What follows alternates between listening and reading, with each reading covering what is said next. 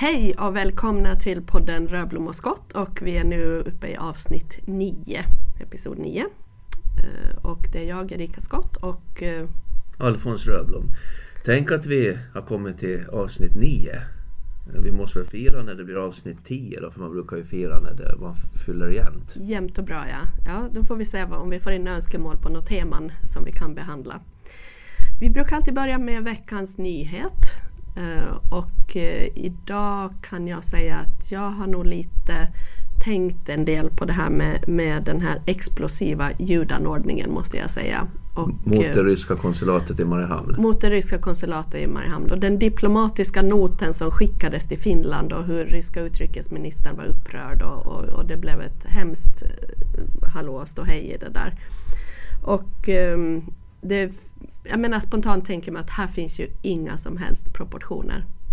Nej. Och när det sen kommer fram då man undrar liksom när man läser nyheterna att ja vad kan det ha varit riktigt frågan om? Och sen kommer det fram att det är en söndersparkad postlåda och en ölflaska som har kastats. Mm. Vad är dina tankar? Nej, mina tankar är ju först och främst att jag någonstans så hade, ju- har jag, har jag, hade, det, hade varit väntat att det kommer att hända någonting. Eh, alltså att någon förivrar sig och, och kastar någonting eller blir förbannad om det, om det kommer någon nyhet som är extra brutal om kriget i Ukraina eller sådär. Och så är det någon som, som går ut och, och vill visa sitt missnöje mer handgripligt. Jag, jag tänkte att det bara är en tidsfråga innan det händer. Sen tycker jag att det är, det är olyckligt förstås för att det, det, man ska inte kasta, man ska inte sparka sönder folks postlådor eller kasta saker på folks hus även fast det är, är beskickningar så att säga. Och, eller man kan till och med säga än mindre när det är beskickningar eftersom att eh, det kan tolkas som det ena och det andra. Och här väljer ju, valde ju Ryssland då, som du säger, att dra igång stora trumman och känna sig ytterst kränkta över det här och kalla det för det ena och det andra. Eh, och i det spelet sen så kunde jag ju inte låta bli att notera att det var i väldigt kort anslutning till att Zelensky, Ukrainas president, kom på eh, överraskningsvisit till, till det nordiska mötet i Helsingfors. Så vill man vara konspiratoriskt lagd eh, eller se sådana kopplingar så, så skulle jag kunna tänka mig att se en sån koppling. Att man, man blev lite extra känslig då på tårna. Och så valde man att, att spela upp den här ölflaskan då till, till större proportioner än vad, det, än, vad det, än vad det egentligen var. Nej, vi gör väl det klart en gång för alla bara att eh, vi gillar inte när man sparkar sönder postlådor eller eh, kastar saker på folks hus.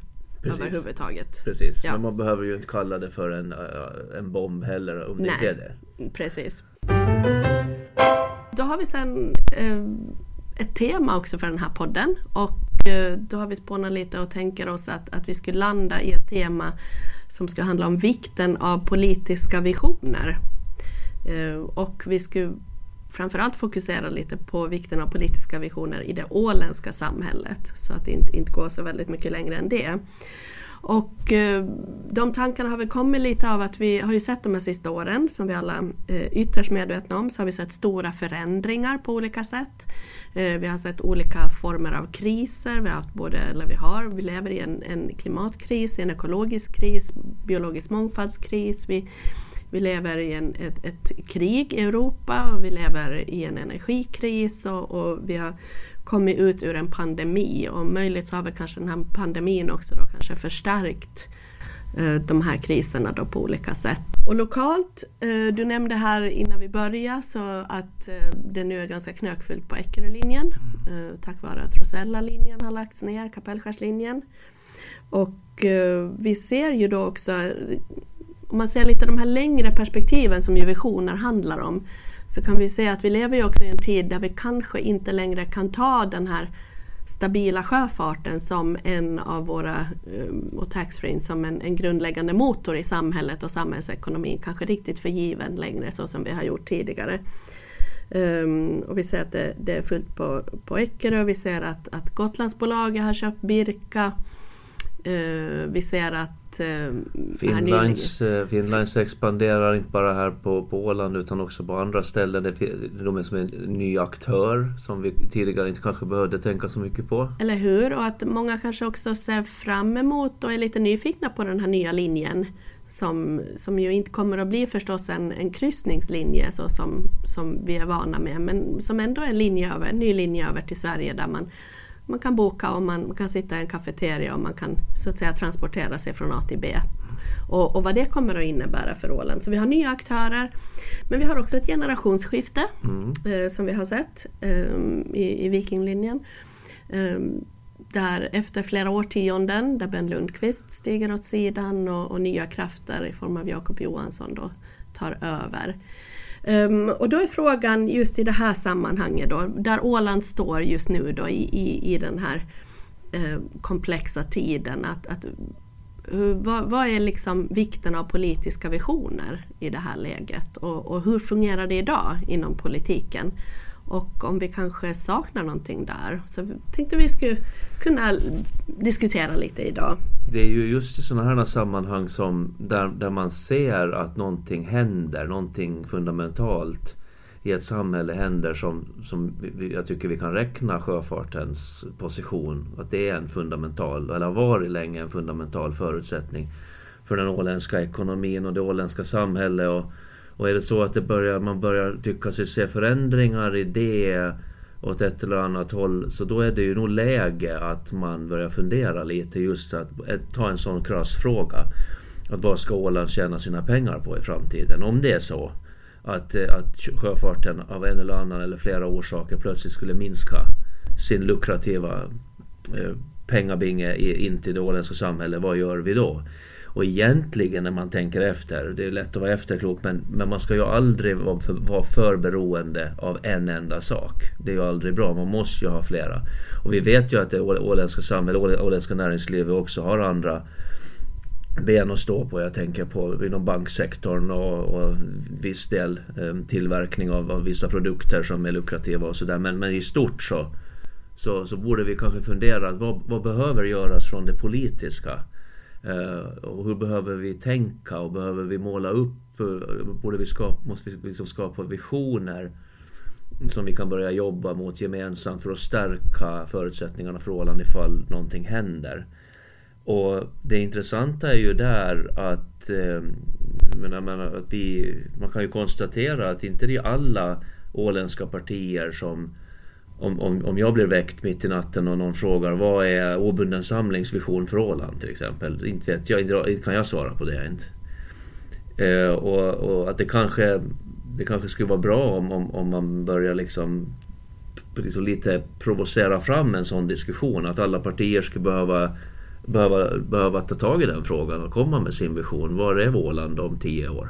Mm, det kan ju vara så att, att eh, vi har haft en, en, om vi jämför med våra omgivande regioner och särskilt sen om vi går ännu längre ner i, i Mellan och Sydeuropa så kan vi ju säga att Åland under de sista årtiondena har haft en väldigt framgångsrik position. Där vi har ett, ett näringsliv som har vuxit och det har ju vuxit också inom Ehm, bank och IT och vi har fått många nya stora stora avknoppningar och stora företag och, och, vi har ju flera, flera företag på den globala marknaden och sådär. Så att vi har ju varit väldigt lyckligt lottade eh, under de sista årtiondena. Och om man, om man förenklar det väldigt så kanske att, att bilden är lite så att eh, det har kommit in pengar, det har kommit in skattepengar, det har kommit inflyttning och, och vi har haft vi har kanske inte på det sättet behövt kämpa så väldigt hårt från, i det politiska för att eh, ta fram visioner för samhället. För att man kanske inte haft, det är klart att, att det finns eh, också eh, en form av utsatthet i det åländska samhället och en form av, av, av liksom, eh, svårigheter, människor har svårigheter och så vidare. Så det ska vi ju liksom inte bortse ifrån. Men i stort som samhälle så har vi haft ett väldigt välmående samhälle och vi har haft en,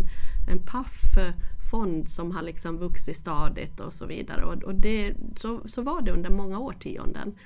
Och då är frågan att, att kanske att man i det, i, i den liksom lite lyckosamma situationen, att man kanske då att det resulterar i att man kanske inte behöver tänka så långsiktigt eller så, utan man kan tänka lite från budget till budget eller sådär. Vad gör vi nu med de här pengarna? Hur går det vidare? och sådär.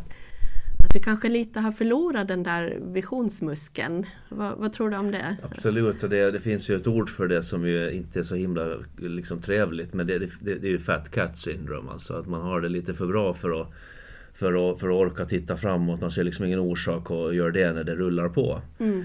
Eh, och, så det, det, det, är absolut, det ser jag en, en fara i. Och, men sen finns det också, på tal om, liksom, om man talar om ideologi, eh, men det finns också, tror jag, tycker jag med märka, en, en, en, en ideologisk eh, diskussion om det där också.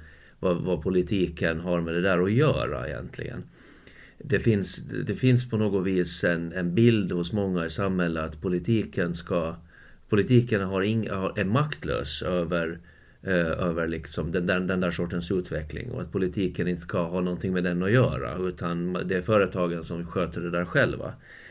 Men det tycker jag är att helt undervärdera politikens kraft. Om vi är tydliga med till exempel att vi vill ha havsbaserad vindkraft eller om vi är tydliga med andra eh, riktningar som där, som, där verkligen politiken berörs, där politiken måste ge vissa tillstånd och politiken måste vara med på, på, på, på banan för att det ska bli någonting. Så om vi är tydliga med den riktningen så är det klart att det spelar roll. Eh, och, ty och tydliga signaler till investerare och sånt att eh, politiken är med. Så det är klart att det spelar roll. Att, att bara lägga sig flat och säga att nej, men det där politiken har ingenting, kan inte göra någonting där och har ingenting där att göra. Det, det tycker jag är en oerhört, oerhört förlegad syn på relationen mellan politik och näringsliv. Ja, och jag tycker det är lite mm, också kanske att det gränsar till ansvarslöshet gentemot väljare och medborgare.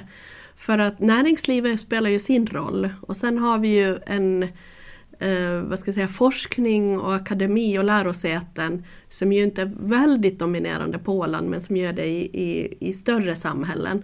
Men där de ju i allra högsta grad också på Åland spelar en viktig roll. Och sen har vi ju hela tredje sektorn med med alla föreningar och gräsrötter och sen har vi alla individer och sådär. Och då tänker jag att politiken har ju liksom en, en funktion, ett ledarskap som så att säga spänner över alla de här delarna i samhället. På ett sätt som ju näringslivet inte alls har ansvar för. Näringslivet och den enskilda företagaren har ju bara i princip ansvar för sig själv och sitt och sina anställda om man har anställda.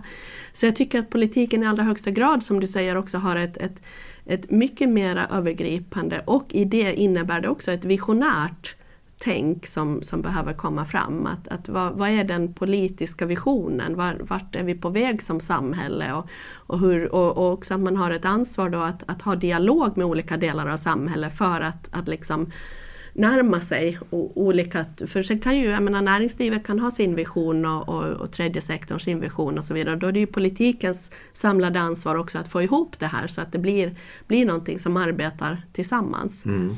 Och, och, till det hör ju också att, att eh, att vikten av att ha alltså det politiska arbetet utan visioner så blir det ju väldigt mycket springa efter första bästa boll som kommer rullande. Eller så springer man efter första bästa, någon som ringer och gnäller på någonting till någon politiker. Eller så släcker man någon politisk eld i en landskapsregering eh, och jämkar och, och, och, bara fokuserar på det som händer idag eller denna vecka eller kanske nästa vecka. Men man lyfter aldrig näbben över sitt eget navelludd och tittar liksom att vart är vi på väg i det stora hela. Och jag tror att det, det, är någonting som tyvärr är ganska rådande på, i den åländska politiken generellt så är det här navelluddstittande.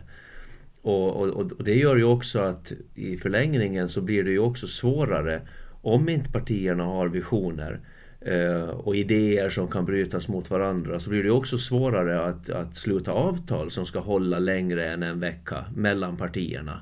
För att man, man, man, om det är så att man som parti ska ändra åsikt vecka till vecka eller, eller ett år i taget så hur ska man då, hur ska något annat parti då kunna lita på att, att det där partiet håller det man kommer överens om?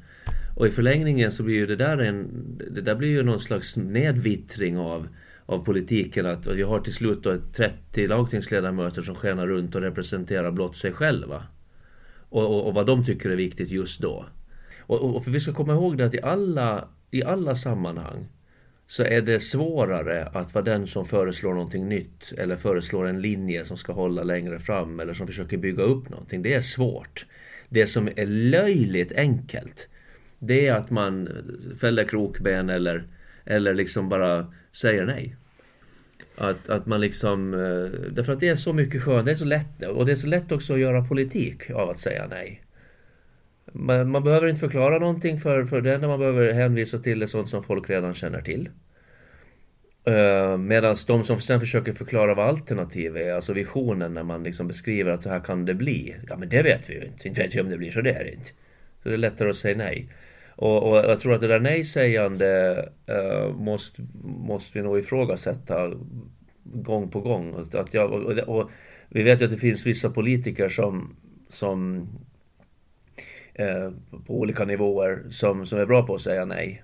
Det tycker jag att, då tycker jag det, vi andra då som försöker säga mer, mer ja än nej, så borde det bli tydligare, det borde bli tuffare. Att när, folk, när vissa säger nej, så borde vi fråga vad är ditt alternativ då? Ja, och som väljare kanske man också kan fråga mm, sina exakt. politiker att, att, och, och, ställa lite, lite krav och sådär. Att vad, vad vill du? Vart är vi på väg? Jag tänker också att eh, det finns också den där tanken om, eh, som jag har mött lite också under de här sista åren, någon sorts liten desillusionerad känsla av att, att om man diskuterar så här tu man hand eller i mindre grupper så ja men om, om vi skulle försöka nu då att hitta en, en, någon gemensam nämnare i det här. Ja ja men det vet ju hur det går. Och sen ger man upp på det. Så att vi har verkligen kommit känns det som till ett läge där där nästan inte ens politikerna själva tror på att det går att hitta en gemensam idé eller en gemensam vision. Och, och, att man har gett upp på det. Och, och, och jag kan förstå hur man har kommit dit. Jag kan verkligen, verkligen förstå hur man har kommit dit när vi följer. Men, men frågan är ändå sådär, jaha men, men ska vi ska vi konstatera att det går inte att hitta några gemensamma politiska visioner och vad, vad blir resultatet då i samhället? Vart är vi på väg då? Det, det så att säga skrämmer mig mer än att försöka hålla fast vid tanken på att vi behöver visioner också inom politiken. Och, och sen finns det ytterligare den där aspekten när det är några som säger att ja men drömmar ju lätt. Så. Men, men när vi pratar visioner så menar vi ju inte att man liksom ska ha visioner utan handling. Nej, precis. Som, som bara blir drömmar. Men vi säger ju också då att det går inte heller att bara göra saker utan att ha en riktning eller en vision om vart man ska. För då, då blir det bara en sak i taget som, som gäller. Så att... Precis, och där kan man ju ta den här, jag tycker den är ganska effektiv, den här, den här bilden med, om fartyget. Och liksom att om du inte vet vart du ska vart du ska med fartyget. Så då, då, då, seglar du lite hit och dit och kanske plötsligt så får du bakvind så att du, du börjar segla bakåt eller så seglar du runt din egen mast. Du har ingen aning om vart du ska. Mm. Eh, men sen är det ju, om jag fortsätter lite på den bilden så, så just det här exemplet du nämnde att man bara ska ha visioner men ingen handling. Då sitter du ju i båten och tittar mot solnedgången och du hissar inte en segel. Då kommer du ingenstans heller. Mm. Så det, men du måste ju veta vart du ska. Och jag tycker det har varit flera debatter under det senaste året i lagtinget. Eh, där jag tycker att det har blivit tydligt att, eh, att eh, det finns nästan en beröringsskräck eh, hos vissa partier att eh, tala om strategier och, och långtgående planer. Utan det är här och nu och det ska vara den här handlingskraften och det ska göras och det ska dras i trådar och så här och så vidare och så vidare. Och att, men, det, men det blir också så tydligt sen, vi har ju pratat om det i andra sammanhang, att om, om man då vill, till, vill möjliggöra kortsiktig vinning för, för vissa verksamheter som, som då drabbar vattendragen, dricksvattentäkterna, så blir det svindyrt i andra ändan då när vi måste börja avsalta vatten från Östersjön. Uh, att, att jag tycker att det börjar, bli, det börjar vakna upp nog tror jag på Åland också, att man börjar se det där att den där kortsiktiga skena runt dag efter dag politiken, den håller ju inte. För det blir så tydligt att kostnaderna ploppar ju upp ändå. Bara lite längre fram. Man biter sig i svansen biter sig, i varje fall. Pissar sig ja. i byxan en, mm. en, en kall vinterkväll. Det är skönt när det värmer och sen blir det väldigt kallt. Mm. Att det börjar bli så tydligt att det måste finnas, man styr ett samhälle så måste det finnas någon slags, eh, slags eh, långsiktighet i det. Men du, du, frågar vad händer om, om det blir helt visionslöst därför att man ger lite upp. Mm. Och, och, man, och man kommer inte överens för man vet att det, det håller ändå inte. Man gör inga politiska överenskommelser mellan partier därför att man, det, det kommer inte att bli så ändå. Jag skulle säga om jag drar det, drar det, jag behöver inte ens dra det jättelångt, jag tror att det blir ännu mer polarisering. Jag tror också att det blir en variant av majoritetens diktatur. Det vill säga att den som råkar ha majoritet under en viss period så kör, kör igenom vad, vad man nu vill ha igenom oberoende av att lyssna på eh, oppositionen eller, eller andra. För, för, men, men för, för det vi måste förstå är att i, i vårt parlamentariska system så, så demokratin är i grunden ganska skör skapelse som bygger på överenskommelser mellan människor. Att när vi väljer de här mm. att leda så, är det, så ger vi dem makten och den som då, den som då, de, då får, blir i besittning av den här makten så måste hantera den ganska varsamt och man måste ha större öron än trut så att man liksom har, har en gärna då en vision då som vi är inne på men också att, att liksom när man arbetar så måste man ha en ödmjukhet inför uppdraget. Men om det är så att den åländska politiken följer med sakta men säkert i, i den globala trenden som börjar med Donald Trump och hans söndra och härska och, och riva ner institutioner och jag gör vad jag vill, för jag bestämmer. Om vi, börjar, om vi följer den trenden så då är det ju jätteallvarligt. Och det ska vi komma ihåg att det går så här snabbt att riva ner ett förtroende och de här strukturerna och det är oerhört svårt att bygga upp dem igen. Så därför tycker jag liksom att vem som än bildar landskapsregering efter, efter valet i oktober här så måste våga ta det här steget. Fast det kanske tar emot så måste man försöka vara lyhörd mot oppositionen. Att kommer man med bra idéer från oppositionen så kan man släppa igenom dem helt enkelt. Mm. Som ett exempel bara. Som ett exempel, och det har vi ju nämnt tidigare att där finns det olika delar också i den där psykologin mellan partierna och hur man driver att, att, man, att man inte genast då när man gör det, att man inte genast börja kalla varandra för svaga eller så här. Att, mm. att liksom börja klistra epitet på varandra utan man tvärtom så att man kan visa uppskattning och mm. visa att, att ja men det här var bra gjort och man kan på det sättet börja vända och stärka varandra istället. Och, mm. och inte så att man förlorar sin roll som, som opposition eller som regering men, men att, att man lite kan luta sig mot varandra eller gå just för att hedra demokratin eller för att hedra det långsiktiga arbetet eller så på Åland. Och att man, man faktiskt kan, kan börja bygga lite de där vägarna tillsammans och ta de där lite mer obekväma besluten. Och jag tror, för, och man, man, kan ta exempel, för nu har jag haft eh, glädjen att sitta i lag och kulturutskottet den här, liksom sen jag återgick till lagtinget och vi har den senaste tiden jobbat med vägtrafiklagen. Och, och, det vill jag säga att i lag och kulturutskottet där det är förstås eh, majoriteten har majoritet, alltså regeringspartierna och så finns oppositionen med. Men jag tycker att, att arbetet där har varit väldigt respektfullt mm. och att man har lyssnat på varandra. Och in, där ser jag ingen, ingenting av det där pajkastande som, som kan, kan finnas i Stora Teatersalen. Eh, I lagtingsplenissal utan, utan där är det mera ett grupparbete. Att hur gör vi den här lagen så bra som möjligt? Sen kan det finnas, kan man komma till ideologiska frågeställningar. Mm. Uh, man får ju aldrig gå in på, på saker som sägs i ett utskott och det, det värdesätter jag. Men, men det kan komma frågor där man, där man märker att det här tycker de av ideologiska skäl. Till exempel att ja, men det, har inte, det ska inte stå i lagen vad jag gör på min privata trädgård.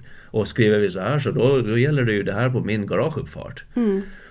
Uh, så, och det är liksom viktigt, man märker att det slår an en sån här eh, ideologisk sträng. Men annars i övrigt så är det ju ett grupparbete och, och det är det som, det borde ju, det är mera det som borde vara ute i, i stora teatersalen också, att man kan liksom eh, credda varandra om det kommer någon bra idé eller man kan vara liksom konstruktiv också där. Mm. Att det inte alltid är att när man går till salen där så, så har man en to-do-list på vad man ska liksom hiva för pajer.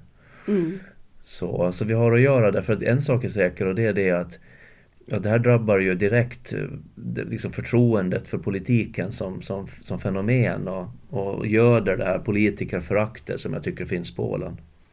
Eller hur, ja. ja och, det, och det gäller ju verkligen att hitta nya vägar. Och det kommer inte att vara lätt, det kommer inte att ge sig över en mandatperiod men, men kanske så småningom. Och, och att eh, just det där att förankra sig ganska starkt i en vision. Det kan tyckas motsägelsefullt kanske att om man gör det så då har man svårare att, att kompromissa sen. Men, men jag tror att ju, ju tydligare långsiktiga idéer vi kan ha om samhället, ju mer vi kan diskutera de långsiktiga idéerna om vad ska, vad ska Åland leva av, vad är det för samhälle vi vill ha och så vidare. Istället för att bara komma med, med kritik eller mm. det här kan man inte liksom göra för att eller sådär då, då tror jag att det är lättare att föra den diskussionen tillsammans och det också blir intressantare för väljare.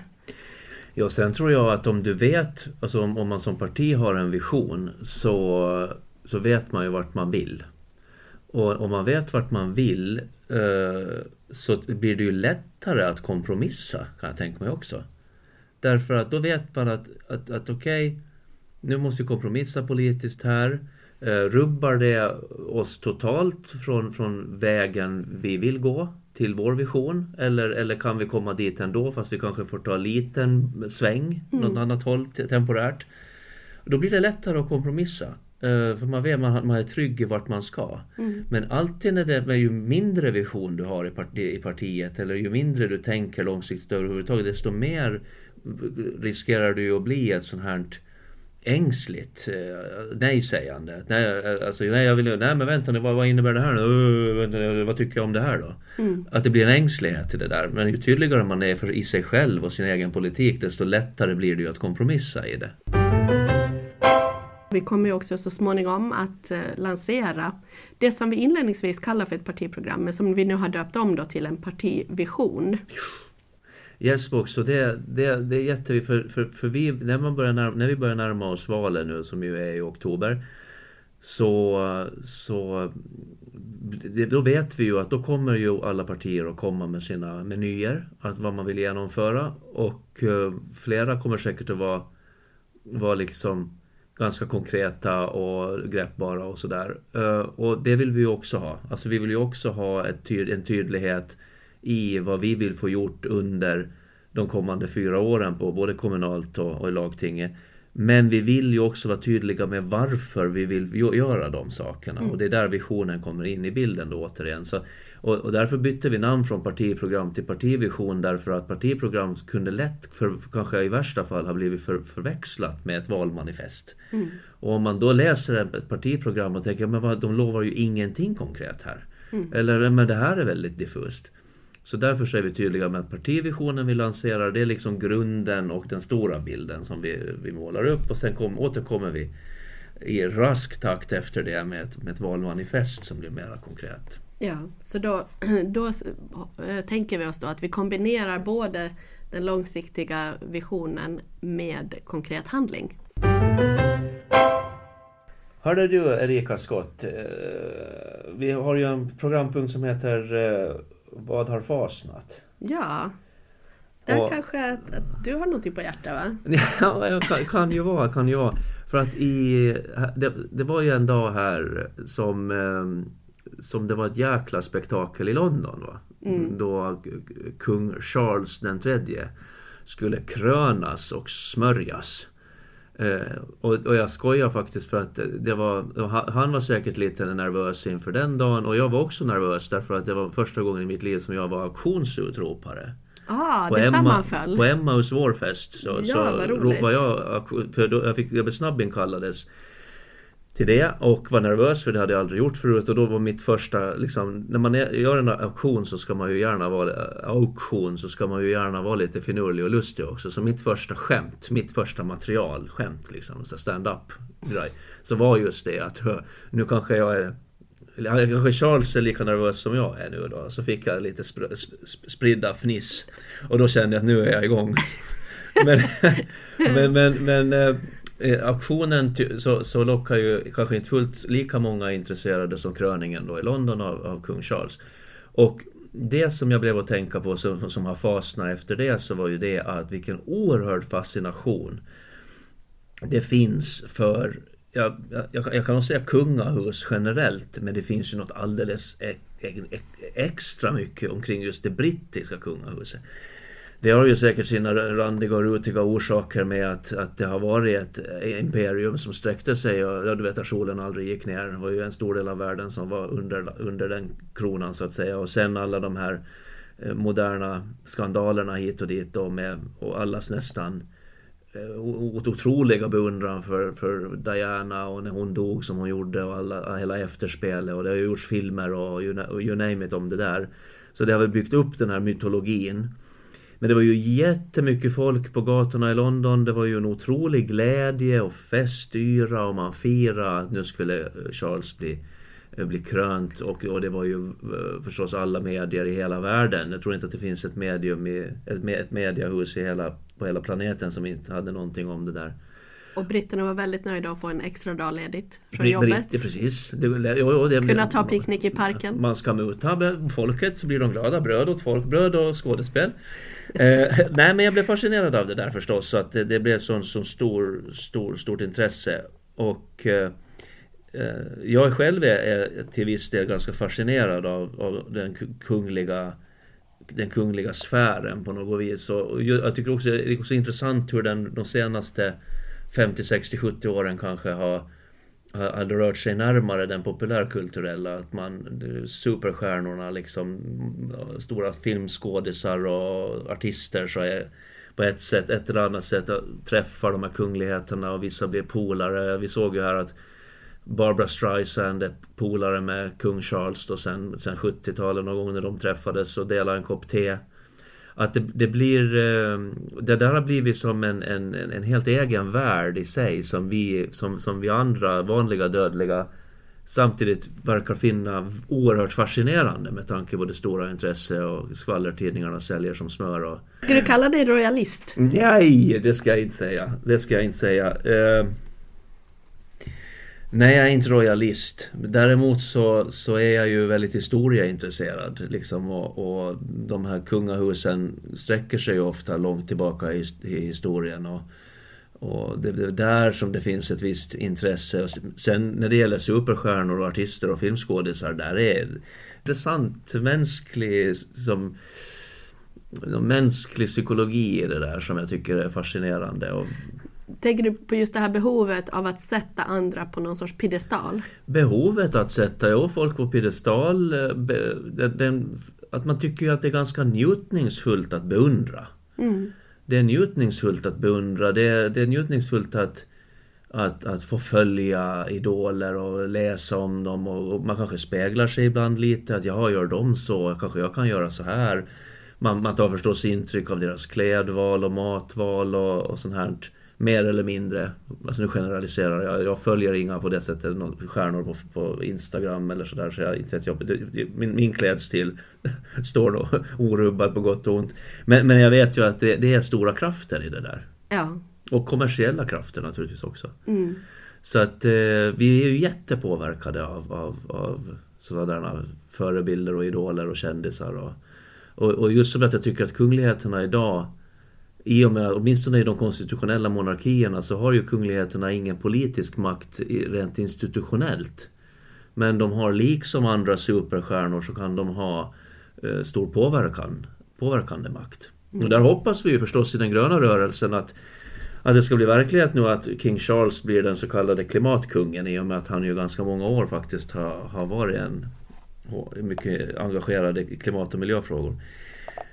Men, det är nog det där med piedestal och, och, att vi tycker om att beundra och, och sen, sen blir vi ju jättekonstiga och fnissiga och märkliga sen när vi råkar springa på någon av de här idolerna och, och kändisarna och så blir man fnissig och röd i ansiktet. Jag tycker mm. det är mm. fascinerande. Ja, och jag, jag, kan tänka så här, jag har också följt den där kröningen just uh, ur ett historiskt perspektiv, av att få en inblick då liksom i det här.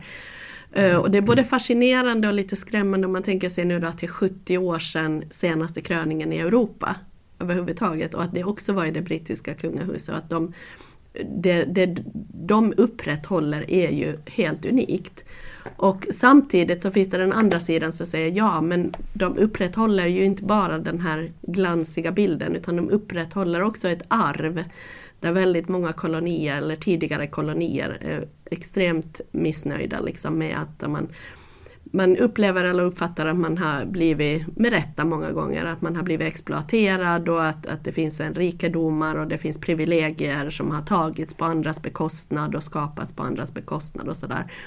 Så att jag känner att ja, det, det är lite som att på något sätt lite på det distansbetraktan med lite halvfascination, någon sorts relik mm, nästan. Mm.